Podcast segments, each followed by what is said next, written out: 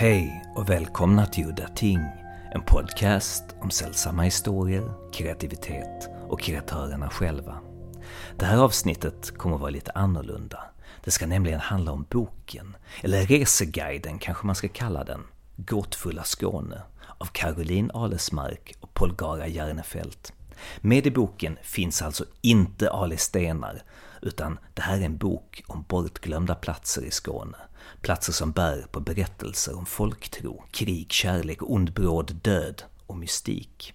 Som det står på baksidan av boken, platser där folk sökt kraft och tröst, men kanske även undvikit efter mörkrets inbrott. Jag intervjuade Caroline vid en gammal rutten stubbe i Kungsparken i Malmö och Polgara, som numera bor på Österlen, över telefon. Så ni får vara beredda på ljudkvaliteten klippen emellan. Mm. Hur ni kom fram till att ni skulle göra den här boken? Ja, alltså vi, vi, ska säga, vi lärde känna varandra, kan det varit sju, åtta år sedan eh, och hade det här gemensamma intresset för folklore och mytologi och eh, fornminnen och eh, kraftplatser, alltså Ale stenar och liknande, eh, Havängsdösen. Eh, men så pratar vi om att det finns så otroligt mycket mer i Skåne än just de här kända, eh, Kiviksgraven, Alestenar, eh, Havängstösen Havängsdösen etc. Och vi ville lyfta fram alla de platserna för det är så otroligt rikt ute i markerna. Så då tänkte vi att okej, okay, hur, hur, för vi, vi tycker ju om att leka också, tänkte hur, hur kan vi få göra någonting om de här platserna samtidigt ha kul och, och få dem att bli mer besökta till exempel. Så vi, först funderade vi på att starta en, en webbsida om det eh, och sen så tänkte jag att man kanske kan göra ett eh, tv-program om sådana här platser. Så vi var och pitchade på SVT eh, men de, de, det, det funkade inte i tablån riktigt sådär. Och sen så har jag mitt kontor på Mombi sjogården i Malmö och där ligger ett förlag som heter Rosa Tegner och jag hade varit där uppe och pitchat en annan bokidé tidigare. Och så fick jag syn på förläggaren när hon korsade gården och så slog det mig, vänta nu här, vi kanske skulle göra en bok helt enkelt. Vi, alltså vi, vi började prata om det här 2012, 2013 och vi började jobba med boken 2015 ungefär. Så. så nu, om vi bara ska klampa in rakt på sak, det övernaturliga. Var ni med om någonting oförklarligt när ni var ute och kollade in de här platserna? Speciellt Österlen är ju, i och med att det är så orört, folk var så fattiga där så det byggdes inte så mycket hus och vägar etc. Så det finns ju mycket som ligger kvar. Eh, men även, eh, jag har ju vandrat en hel del inför eh, Vandra Skåneleden och när man var där uppe i tassemarkerna i nordöstra Skåne så kände man ju liksom att här är vi ju inte riktigt ensamma när vi lägger oss ner och sover. När det händer sånt så är det mer av en slump ungefär. Eller jag kan ju berätta om när, vi, mm. när jag gjorde just Vandra Skåneleden så var vi, vi, vi sov i vindskydd 14 nätter i sträck. Jag och en annan, då min andra medförfattare. Och, eh, vi kom till en lägerplats väldigt sent en kväll och jag hade ingen aning om var vi var någonstans. Ehm, det fanns ett vindskydd ehm, och vedstapeln låg en bra bit bort men jag blev, jag blev så mörkrädd så varje gång jag hämtade ved så tappade jag några pinnar för jag var så snabb men jag skulle ta mig tillbaks. Ehm, och sen så när vi skulle lägga oss och sova så bara kände jag att jag, jag bara drog sovsäcken över huvudet. Det var enda natten jag varit mörkrädd under alla de här, hela den här utevistelsen. Och sen så på morgonen så visade sig att vi hade sovit vid en gammal kvarn. Och där har ju säkert hänt jättemycket. Och det hade inte jag någon aning om när jag, när jag låg där och tyckte att shit det är någonting här i buskarna ungefär. Så, men, så det är ju, ja, det, men det är ju hur mycket fantasi man har och hur känslig man är för stämningar etc. Många av de här platserna, det finns kanske en anledning till att det, att det finns sägner om vättar eller troll och liknande. Eh, att kanske människor har uppfattat och upplevt dem som, eh, som talande på ett andligt sätt. Sen så kanske inte vi beskriver våra upplevelser eller våra känslor så Eh, ingående i boken på varje plats liksom, utan för att då, det förtar lite grann kanske av upplevelsen för de som åker ut dit. Men eh, så att det är väl liksom blandat då att vi vill gärna Eh, skicka ut folk till, till platser som vi, vi själva haft ja, men känt att det här är någonting, det här, här finns någonting nästan oförklarligt eller någonting, en stark, eh, stark kraft i marken. Jag har varit en del i skogen kring Torne-Hällestad, men jag har aldrig hört talas om den så kallade Trollskogen. Och det, vad jag har förstått av boken, har väl att göra med de där speciella vridna bokarna där, Vresboken som den heter. Det är en mutation. En mutation? Ja, det är en mutation. Den, Ja. Alltså det är av, av bok helt enkelt. Det är därför de ser ut som de gör. Så. Eh, nej, jag vet inte vad jag ska säga, men Trollskogen den är väldigt cool med sina såna här lågt krypande, knotiga, så att man förstår att, eh, att den har väckt mycket tankar hos folk. Men eh, fanns det så här förr i tiden att, eh, det står ju lite om det i boken, att eh, det hade varit massa så här blods, eventuellt blodsoffer och liknande och sånt här, eller är det jag som... Um, ja men träd har ju använts på olika sätt genom åren. Alltså heliga lundar man har samlats i och hållit rådslag. Eh, Träd har använts för att hänga folk. Eh, Om den så kallade Trollskogen så står det så här, Polgara tror jag det är som har skrivit det här. De knotiga och förvridna gamla vresbokarna i Trollskogen tycks gripa efter den.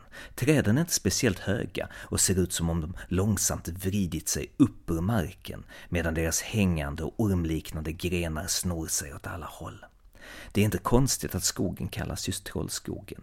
Enligt legenden så var det trollen som kom hit en natt och vred till träden för att få dem att se ut som de gör. Finns ju en anekdot där om en avrättning som påverkade området. Det var väl ett träd då som kallades för kurrabok.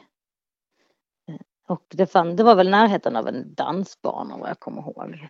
Där skulle det ha bott alla möjliga slags naturväsen då. Oftast talar man väl om dem som lite mer onda, kanske onda andar och troll och pysslingar och så. Inga, inga rara små, små liksom, tomtar. Um, och där så var det en, en ung um, en kvinna som hade blivit avrättad. Hon var uh, mordanklagad. Och hon var dessutom, skulle hon varit oskyldigt dömd. Och att hon bedyrade sin oskuld in i det sista. När hon avrättades så skulle hon ha spottat ut sig en förbannelse över platsen. Och då, då skulle då det här trädet ha slagit upp under hennes kropp i samma ögonblick. Och där blev det då ett knotigt och knotigt träd. Men eh, att man inte, det finns inte kvar det där. Eh, det, det, var, det var väldigt poppis att gå till detta trädet. Eh, och så att någon som bodde där på marken, som, som ägde marken, var trött på allt liv det tillförde och allt festande liksom. Så att hen hällde väl någon saltlake vad det var. Över rötterna. Ja. Så som, ja, eh, som man inte får lov att göra. Men eh, hällde då ute och, och då ja, pajade trädet ju. Vem vet, förbannelsen kanske finns där i luften och, och ekar. Man kanske, kanske hör den om man lyssnar noga. Ehm, vissa platser känns ju lite obehagliga. Man kan inte riktigt förklara varför. Det bara känns lite så här rysligt trots att det kan vara mitt på ljusa dagen. Och det borde vara härligt så kan man komma in på platser och bara hu! här känns det som att här känns det som att någonting har hänt som inte riktigt ska hända. Och då kan det ju vara det att någon kanske har blivit avrättad eller så. Det finns ju många sådana här eh, inom folklåren att man har dragit barn genom en trädklyka för att bota dem mot olika sjukdomar och träden är ju rätt så majestätiska och mycket äldre än vi etc. Det finns många träd i mytologin, vad heter Yggdrasil etc. etc, etc. Så att, ja, träd har ju en väldigt eh, stor roll i folklore och eh, även kristendomen med Törnekronan etc. Ja. Sen så är ju mysteriet kring Odensjön en av mina favoriter. Men att dels att den ska vara bottendjup Mm. eh, och dels att den ska vara Odens förlorade öga, alltså guden Oden. Men också att det ska ha... Hela eh, ja. eller ja. Ja, hela den här. Men också att n- någon sån här hednisk hövding ska ha haft sitt slott där uppe på Söderåsen och så blev det ett stort krig mellan honom och de kristna härarna och det slutade med att alla dog. Och då var det en ängel högt upp i himlen som fällde en tår som bildade Odensjön. Så. Och sen är det sån här, eh, där är mycket sägner kring den lokala sägnen men Hasse Alfredsson var där tillsammans med Tage Danielsson och någon till och han, han skulle ta en simtur. De, de var, jag tror de lånade någon stuga för att skriva och han hamnade i en sån här ström. Mm. Så enligt vad han själv har berättat så fick de slänga ut en bänk för att få honom in till land igen. Att det var någon sån där väldigt undersug. Det står att de tre stod och tittade på vattnet som skummade kring stränderna och att vattennivån sjunkit minst en meter. Det var enligt Gregor Andersson tydligen efter några sprängningar för ett kanalbygge som hade påverkat sjön så att vattnet plötsligt bara kunde läcka ut sådär hastigt och aggressivt. Det känns lite som att det är du, Polgara, som står för det esoteriska, de övernaturliga anekdoterna i boken. Ja, det stämmer delvis. Jag är väl kanske lite mer eh, djupdykande i de bitarna. Um, och um, sen har ju Caroline ett stort intresse för det. Så att det är liksom inte att det är helt avskilt. Är det ett intresse som du haft sedan du var liten, det här med det övernaturliga och folktro kopplat till vissa platser? Det var väl mer att jag var allmänt intresserad av spökhistoria, alltså det var ju det bästa jag visste. Eh, jag var inte så himla rädd för det när jag var liten, jag, men jag ville ju bli lite rädd. Eh, så det kan väl vara, vara med det att man bad. Jag bad ofta folk berätta spökhistorier.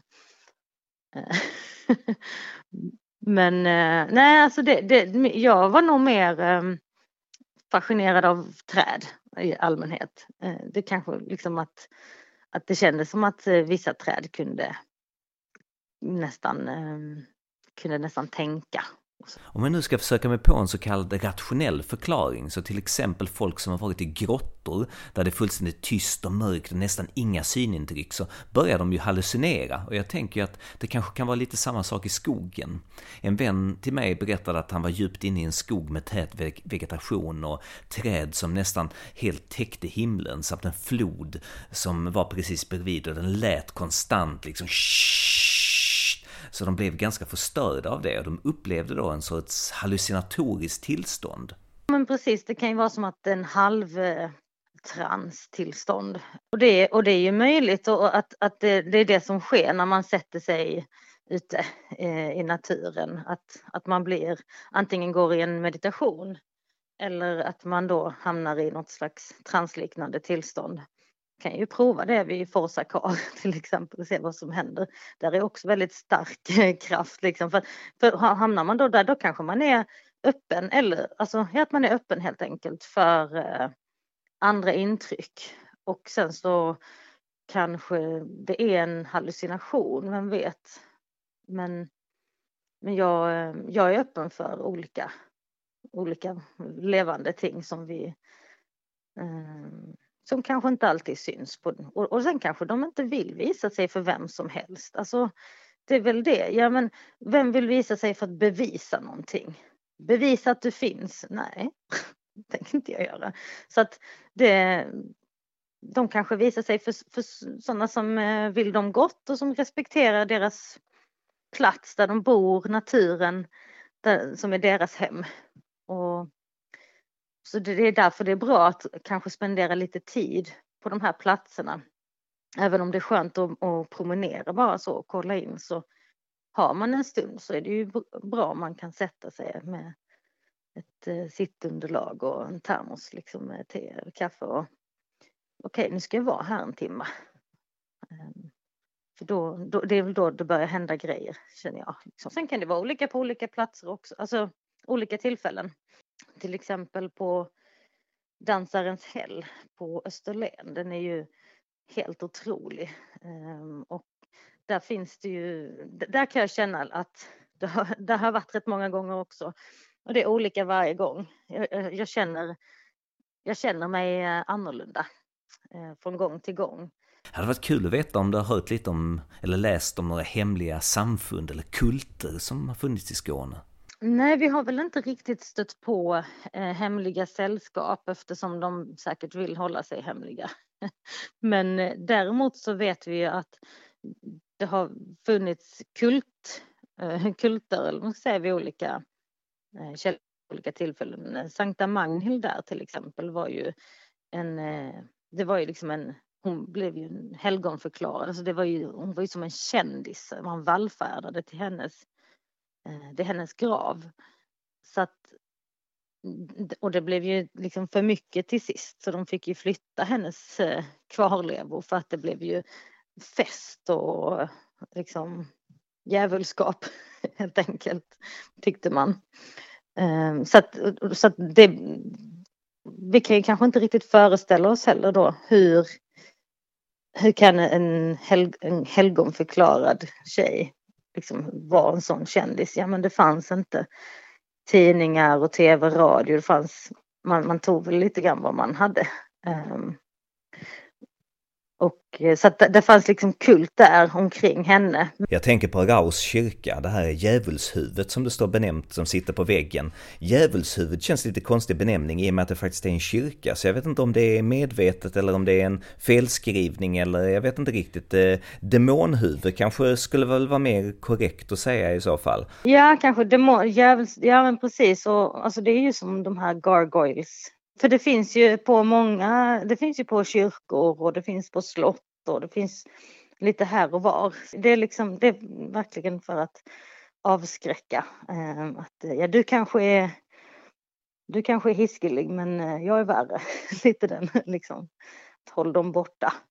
Sen var det ju skogsnuan också ju. Det är ju samma sak som skogsrå om jag inte minns helt fel. Och det var något ställe där, där skogsnuan hängde om du minns det i boken. Ja, alltså där är ju skogsnuans grotta på, vid Klåveröd. Där, där, där, där, man ska akta sig när man går förbi för då kan man ska förvrida synen på en etc. Där, men det är en tydlig grotta inne i berget som man ser. Den finns ju med här. Till Snuva hallar, här är den. Just det, mm. skogsrån och mm, mm. Och det finns ju även en, en manlig variant då.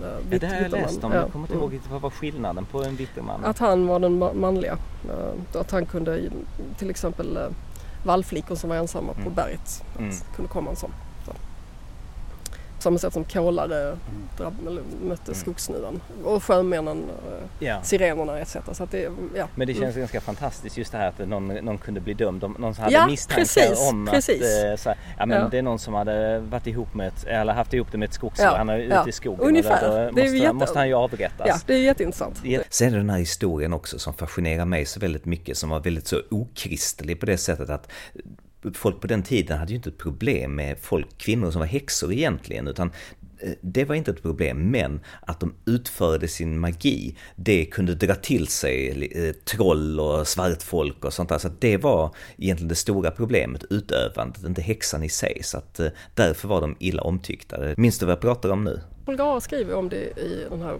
om, om hon som blev anklagad för häxeri på Kullaberg, hon som gick fel till exempel. Så jag kommer inte ihåg exakt vad som om, hon, om hon skrev någonting om det i det kapitlet just nu. Uh, men uh, det kan säkert stämma. Alltså det, det, det, är, det har man ju läst just att det var inte förbjudet att att utöva magi men det var förbjudet att säga att man utövade magi, att man fick, att det var på riktigt. Jag är uppvuxen på landet i en gammal gård mm. och där jag har ju lärt mig att man, ska inte hälla ut hett vatten utan att varna de här småfolket för då bränner de sig och då kan de liksom hitta på saker. Mm. Och så fanns det en brunn på vägen när jag skulle gå till skolbussen och jag, där bodde ju bränn, brännekessan.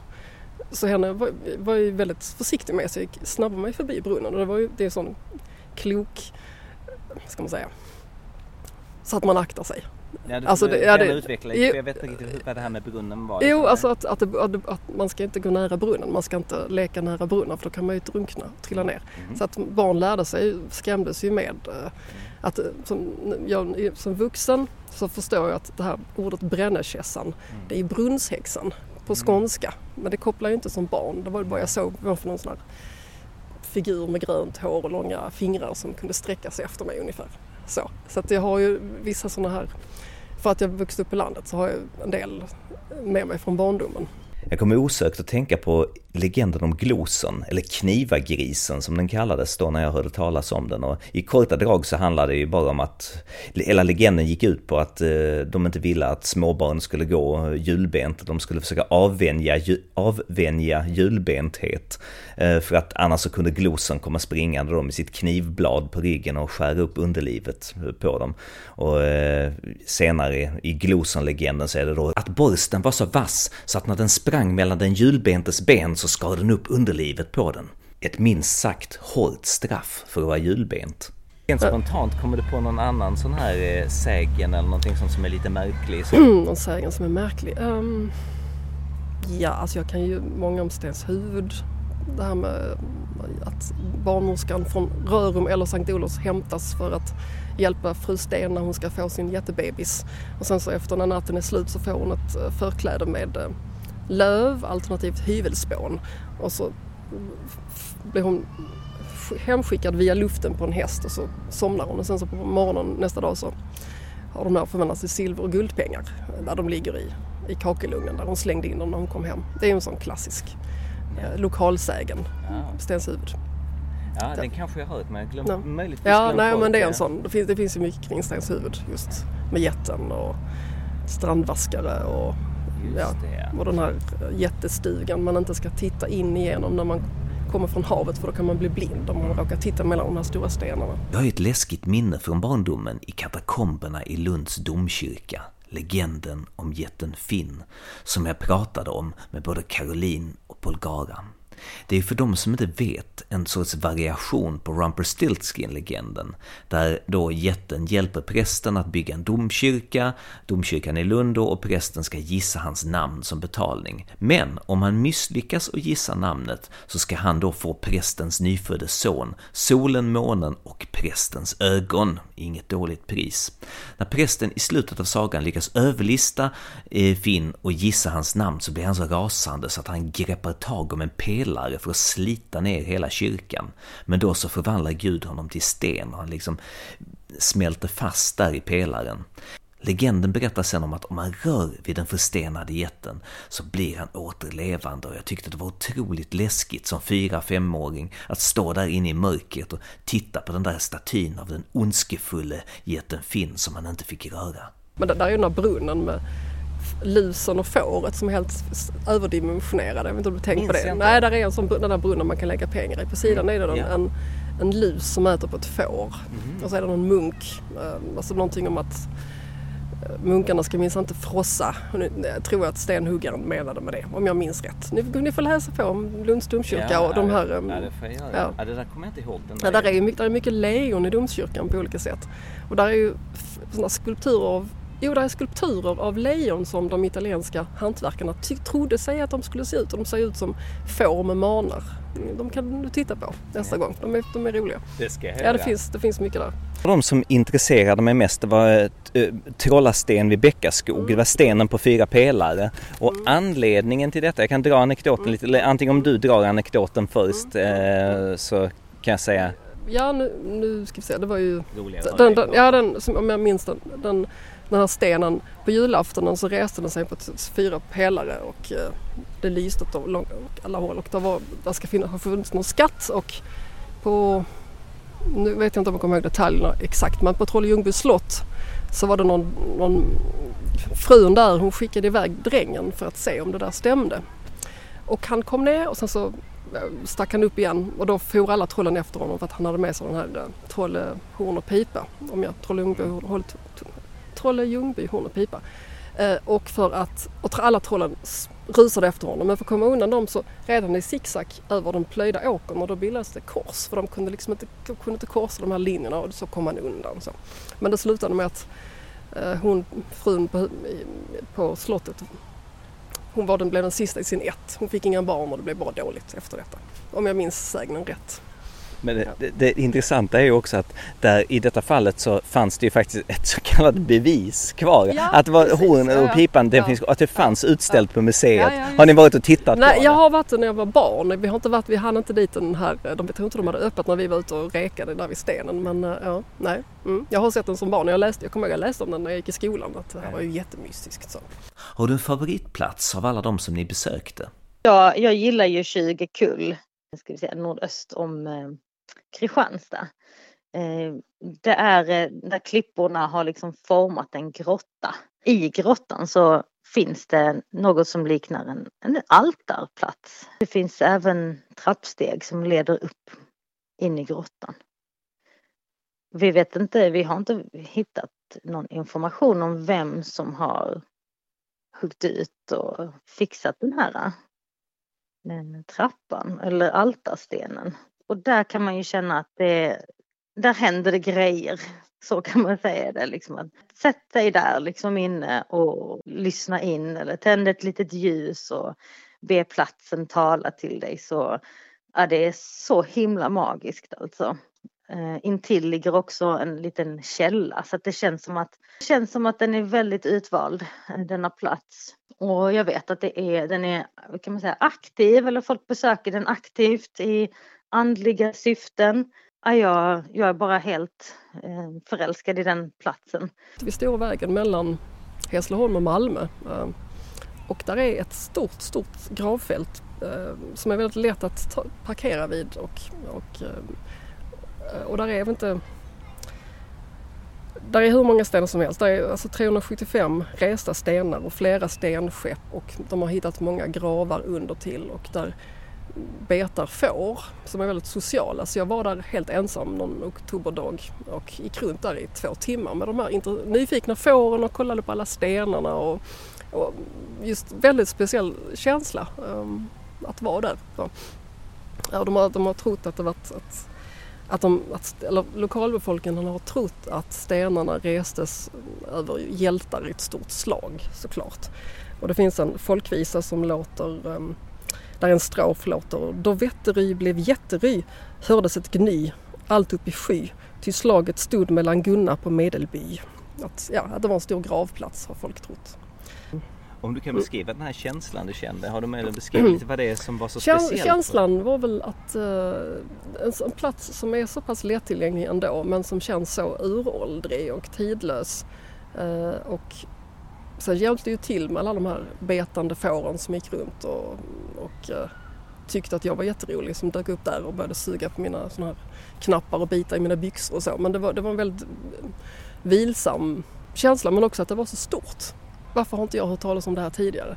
Det var ett sånt bra exempel på att den här boken är rolig eller behövs göras för att mm. det finns otroligt mycket som folk inte känner till. Jag tänkte på ja. det här artikeln nu som skrevs när ni kryper in i den här grottan. Ja, kan du berätta ja, Jo men det, det, det, är, det, är, det är ingen grotta, det är det här um, Öresundsgångriften ovanför Ålabodarna. Alltså en gammal, en gammal gånggrift. En, en grav, en grav, ja, en gravkammare. Ja. Alltså man, man, man um, ska se vad den för att då är min första tanke Här, hur, hur folk begravdes. Om det är liksom en griftegång, la de ja, bara liken där för det är ju sten. Nu ska vi se. När de, ja, de, uh, nu ska vi se. Jag tror att de satte dem in i den.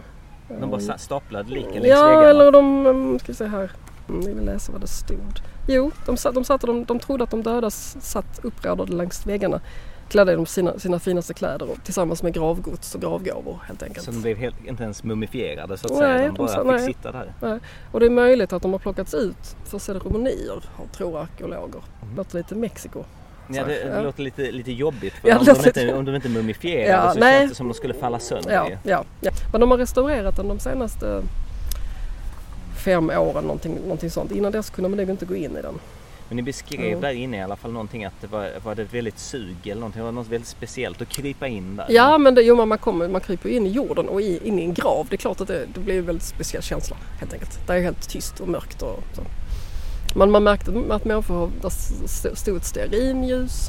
Det, det är också saker vi har märkt att när vi varit ute på de här platserna att vid någon källa så har vi hittat en mugg. Um, uppe på någon liten kulle långt ute i ingenstans så låg det den här värmeljus så att människor använder de här mm. platserna fortfarande eller att det har återuppväckts. Och det, där är ju, det finns så många strömningar just nu med asatroende och, och ja. Yeah.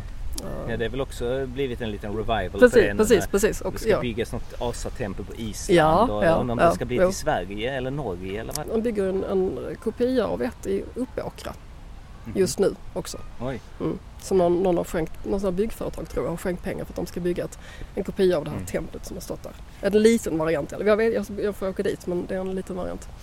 Och så det här på Island då.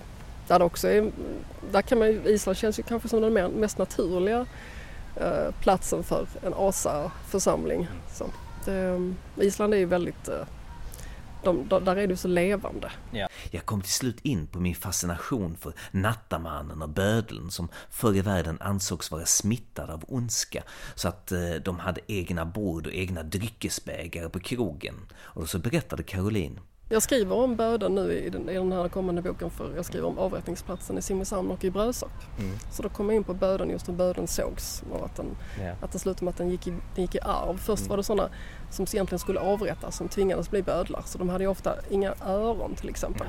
Att de, ja. Vadå, tänkte som, de skulle höra någonting? Nej, för att de skulle, man skulle se att det var dem. De skulle inte kunna sticka. Alltså, Ja. Som, ett, som en, märk, ett märk, en märkning Hade de inte förr liksom att de hade mask som man inte skulle se? Jo men som, som, som privat, alltså just att de inte hade några öron. Det var ett mm. sånt eh, nu vet jag inte hur, var exakt Nej. geografiskt det var så. Men, att, men det var Sverige? Ja, jo jag tror det. Um, men eh, också att, um, att istället för att avrätta så kunde man bli bödel. Uh, men också att det var bara samhällets lä lägre skikt som hängde med bödlarna. De var inte rädda på samma sätt för de var redan förlorade. Liksom. Det var fascinerande för att de fick ju en stor del av sin lön, om inte hela, i sprit, i alkohol. Så de måste ju varit konstant berusade. De högg ju snett och de högg ju fel och ibland ja. tog det lång tid liksom. Ja. Och, och stora folkmassor. Och, ja. um, jag skriver, ja. Det, det tycks det... de kanske om på den tiden? Ja, förmodligen. Mm. Nöj, nöjen så. Mm. Men um, mm, jo, um, jag ska jag ska skriva en bok om Simrishamns historia. Ja. Och där gräver alltså som, det är nästa projekt tillsammans med museet där. Så där gräver vi också en del sånt.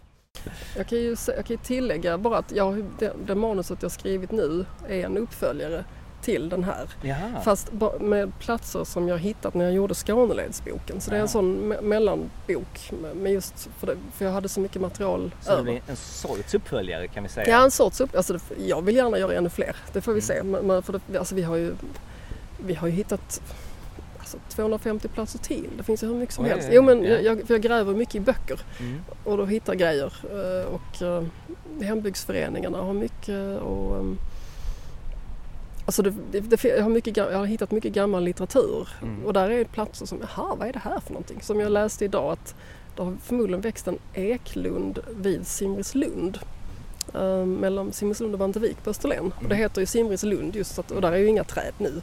Men där, där sägs det ha växt en lund, en skog, en ekskog. Yeah. hade jag ingen aning om. Så att det finns ju, man, ju mer man gräver desto mer hittar man. Yeah. Men den här eh, nästa bok blir just platser nära vandringsleder kan man säga. Så det är en liten kombination av, för jag, ja, för vi, jag stötte på väldigt mycket roliga platser när vi rekade 70 mil för den här. Mm. Så, så det blir lite grann att jag grävt i det materialet igen. Så. Ja, det här var ett litet smakprov ur boken Gåtfulla Skåne. Och såklart, vi kan ju inte ta med hur mycket som helst för det skulle inte finnas någon mening med att köpa boken. Och jag hoppas att ni har blivit sugna på att läsa mer, att köpa boken och stödja Caroline och Polgara.